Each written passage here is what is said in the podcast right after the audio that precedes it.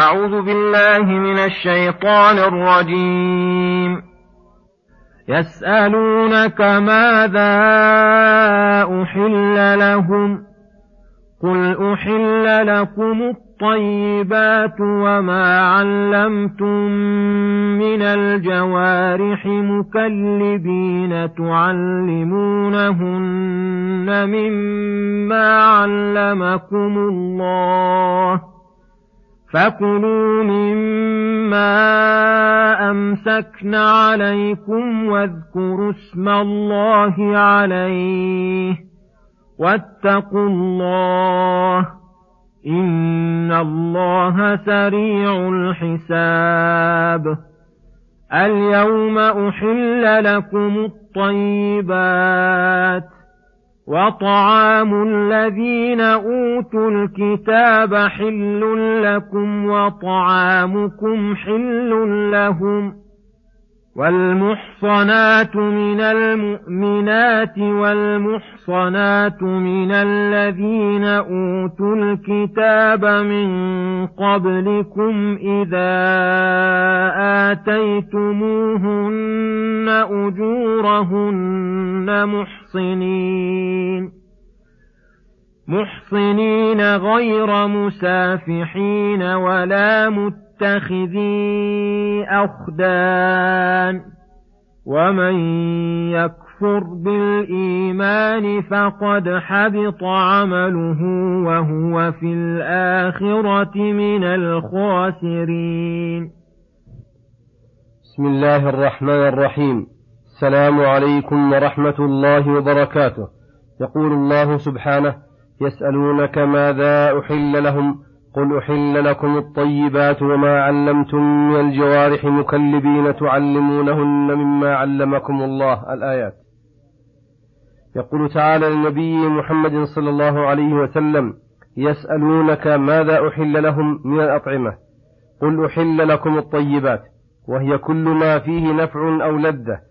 من غير ضرر بالبدن ولا بالعقل فدخل في ذلك جميع الحبوب والثمار التي في القرى والبراري ودخل في ذلك جميع حيوانات البر إلا ما استثناه الشارع كالسباع والخبائث منها.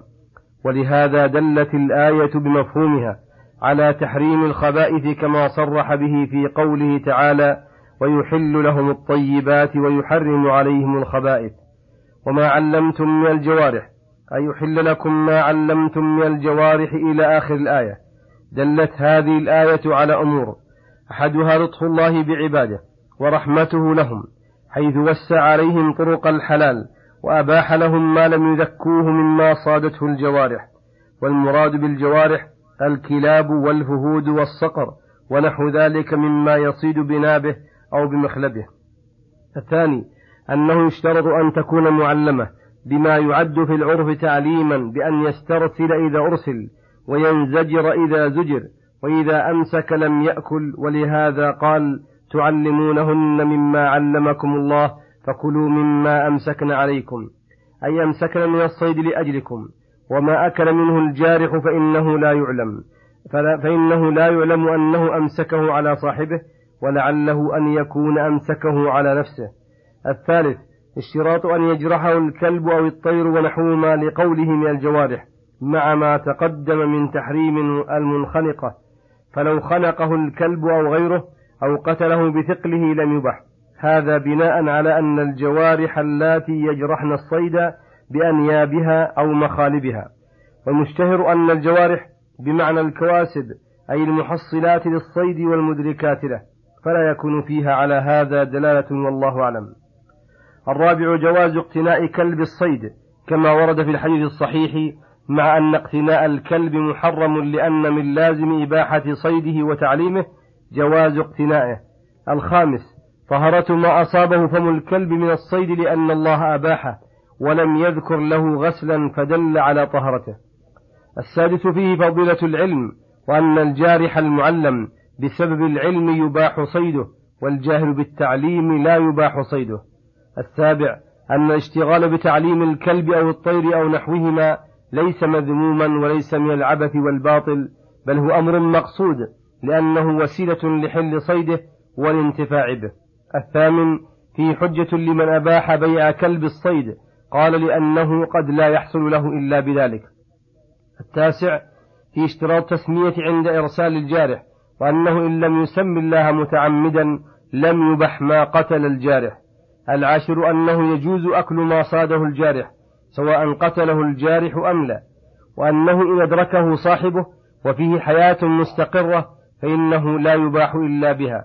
ثم حث تعالى على تقواه وحذر من إتيان الحساب في يوم القيامة وأن ذلك أمر قد دنا واقترب فقال واتقوا الله إن الله سريع الحساب ثم يقول سبحانه اليوم أحل لكم الطيبات وطعام الذين أوتوا الكتاب حل لكم وطعامكم حل لهم الآيات. كرر تعالى إحلال الطيبات لبيان الامتنان ودعوة للعباد لا شكره والإكثار من ذكره حيث أباح لهم ما تدعوهم الحاجة إليه ويحصل لهم الانتفاع به من الطيبات. وطعام الذين أوتوا الكتاب حل لكم أي ذبائح اليهود والنصارى حلال لكم يا معشر المسلمين. دون باقي الكفار فإن ذبائحهم لا تحل للمسلمين. وذلك لأن أهل الكتاب ينتسبون إلى الأنبياء والكتب. وقد اتفق الرسل كلهم على تحريم الذبح لغير الله لأنه شرك. فاليهود والنصارى يتدينون بتحريم الذبح لغير الله. فلذلك أبيحت ذبائحهم دون غيرهم. والدليل على أن المراد بطعامهم ذبائحهم أن الطعام الذي ليس من الذبائح كالحبوب والثمار ليس لأهل الكتاب فيه خصوصية بل يباح ذلك ولو كان من طعام غيرهم. وأيضا فإنه أضاف الطعام إليهم فدل ذلك على أنه كان طعاما بسبب ذبحهم. ولا يقال إن ذلك التمليك وأن المراد الطعام الذي يملكونه لأن هذا لا يباح على وجه الغصب ولا من المسلمين. وطعامكم أي أيها المسلمون حل لهم. أي يحل لكم أن تطعموهم إياه وأحل لكم المحصنات أي الحرائر العفيفات من المؤمنات والحرائر العفيفات من الذين أوتوا الكتاب من قبلكم أي من اليهود والنصارى. وهذا مخصص لقوله تعالى ولا تنكحوا المشركات حتى يؤمن. ومفهوم الآية أن الأرقاء من المؤمنات لا يباح نكاحهن لا يباح نكاحهن للأحرار وهو كذلك. وأما الكتابيات فعلى كل حال لا يبحن ولا يجوز نكاحهن للأحرار مطلقا لقوله تعالى من فتياتكم المؤمنات. وأما المسلمات إذا كن رقيقات فإنه لا يجوز للأحرار نكاحهن إلا بشرطين عدم الطول وخوف عدم الطول وخوف العنت. وأما الفاجرات غير العفيفات عن الزنا فلا يباح نكاحهن سواء كن مسلمات أو كتابيات حتى يتبن لقوله تعالى الزاني لا ينكح إلا زانية أو مشركة الآية. فقوله إذا آتيتموهن أجورهن أي أبحنا لكم نكاحهن إذا أعطيتموهن مهورهن فمن عزم على أن لا يؤتيها مهرها فإنها لا تحل له. وأمر بإتيان بإيتائها إذا كانت رشيدة تصلح للإيتاء وإلا أعطاه الزوج لوليها. وإضافة الأجور إليهن دليل على أن المرأة تملك جميع مهرها وليس لأحد منه شيء إلا ما سمحت به لزوجها أو وليها أو غيرهما. محسنين غير مسافحين أي حالة كونكم أيها الأزواج محسنين لنسائكم بسبب حفظكم لفروجهم بسبب حفظكم لفروجكم عن غيرهن غير غير مسافحين أي زانين مع كل أحد. ولا متخذي أخدان وهو الزنا مع العشيقات لأن الزنا في الجاهلية منهم من يزني مع من كان فهذا هو مسافح منهم من يزني مع خدره ومحبه. أخبر الله تعالى أن ذلك كله ينافي العفة وأن شروط التزوج أن يكون الرجل عفيفا عن زنا وقوله تعالى ومن يكفر بالإيمان فقد حبط عمله أي ومن كفر بالله تعالى وما يجب الإيمان به من كتبه ورسله أو شيء من الشرائع فقد حبط عمله بشرط أن يموت على كفره كما قال تعالى ومن يرتد منكم عن دينه فيمت وهو كافر فأولئك حبطت أعماله فأولئك حبطت أعمالهم في الدنيا والآخرة. وهو في الآخرة من الخاسرين أي الذين خسروا أنفسهم وأموالهم وأهليهم يوم القيامة وحصلوا على الشقاوة الأبدية وصلى الله وسلم على نبينا محمد وعلى آله وصحبه أجمعين. وإلى الحلقة القادمة غدا إن شاء الله. والسلام عليكم ورحمة الله وبركاته.